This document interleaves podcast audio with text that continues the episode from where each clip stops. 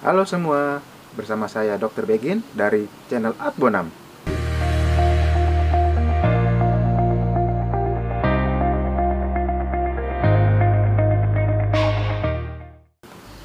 Di era yang semakin canggih ini, di mana semuanya serba praktis dan instan, tingkat obesitas di dunia semakin meningkat.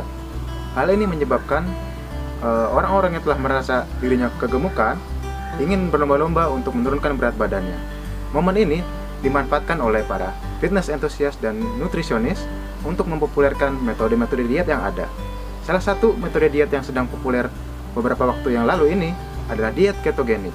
Diet ini memiliki kontroversi, yaitu mengajarkan kita untuk memakan banyak lemak untuk membakar lemak.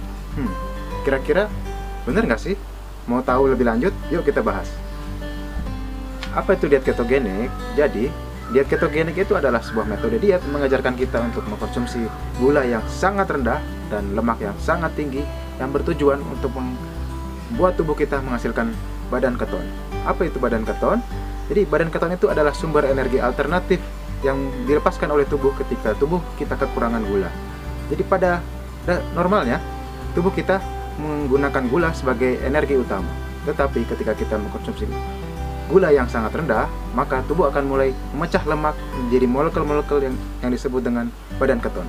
Dan proses ini disebut dengan ketosis. Saat kita mencapai ketosis, tubuh kita akan menggunakan lemak sebagai sumber energi sampai kita mengkonsumsi karbohidrat lagi dalam jumlah besar. Dan untuk mencapai ketosis ini sendiri tidak tidaklah mudah. Ini harus membutuhkan waktu sekitar 2-4 hari dengan kita mengkonsumsi karbohidrat sebesar 20-50 gram karbohidrat per hari tergantung berat badan kita. Kurang lebih sekitar kurang dari 5% dari kebutuhan kalori kita.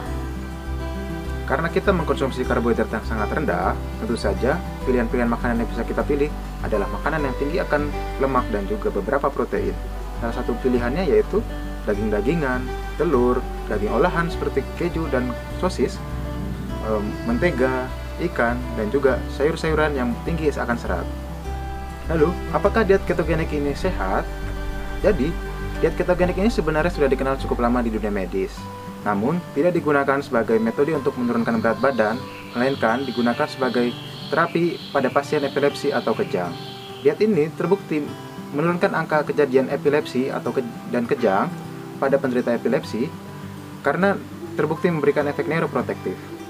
Dengan tren yang ada sekarang ini, metode diet ini digunakan orang-orang untuk menurunkan berat badan.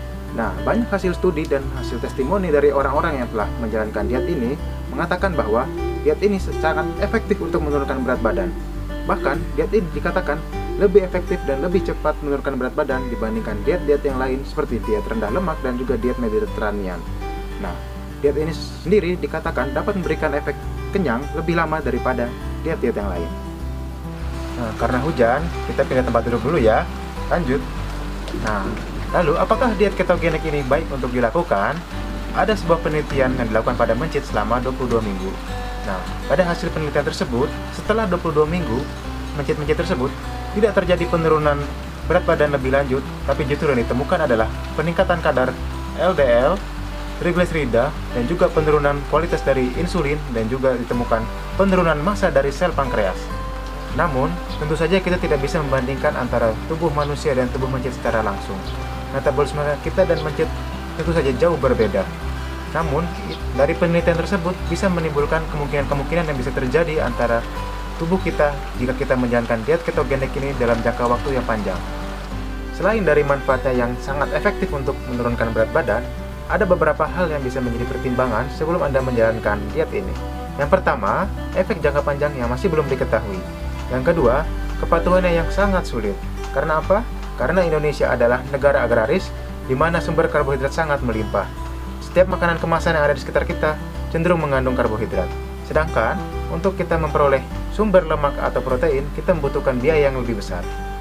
Yang ketiga, sebelum kita beradaptasi dengan ketosis, kita akan mengalami yang namanya keto flu, di mana konsentrasi kita dan juga performa secara fisik akan menurun. Dan itu bisa berlangsung dalam beberapa hari atau minggu. Yang keempat, walaupun kita berhasil masuk fase ketosis, apabila kalori yang kita makan lebih besar daripada yang kita butuhkan, penurunan berat badan itu tidak akan terjadi.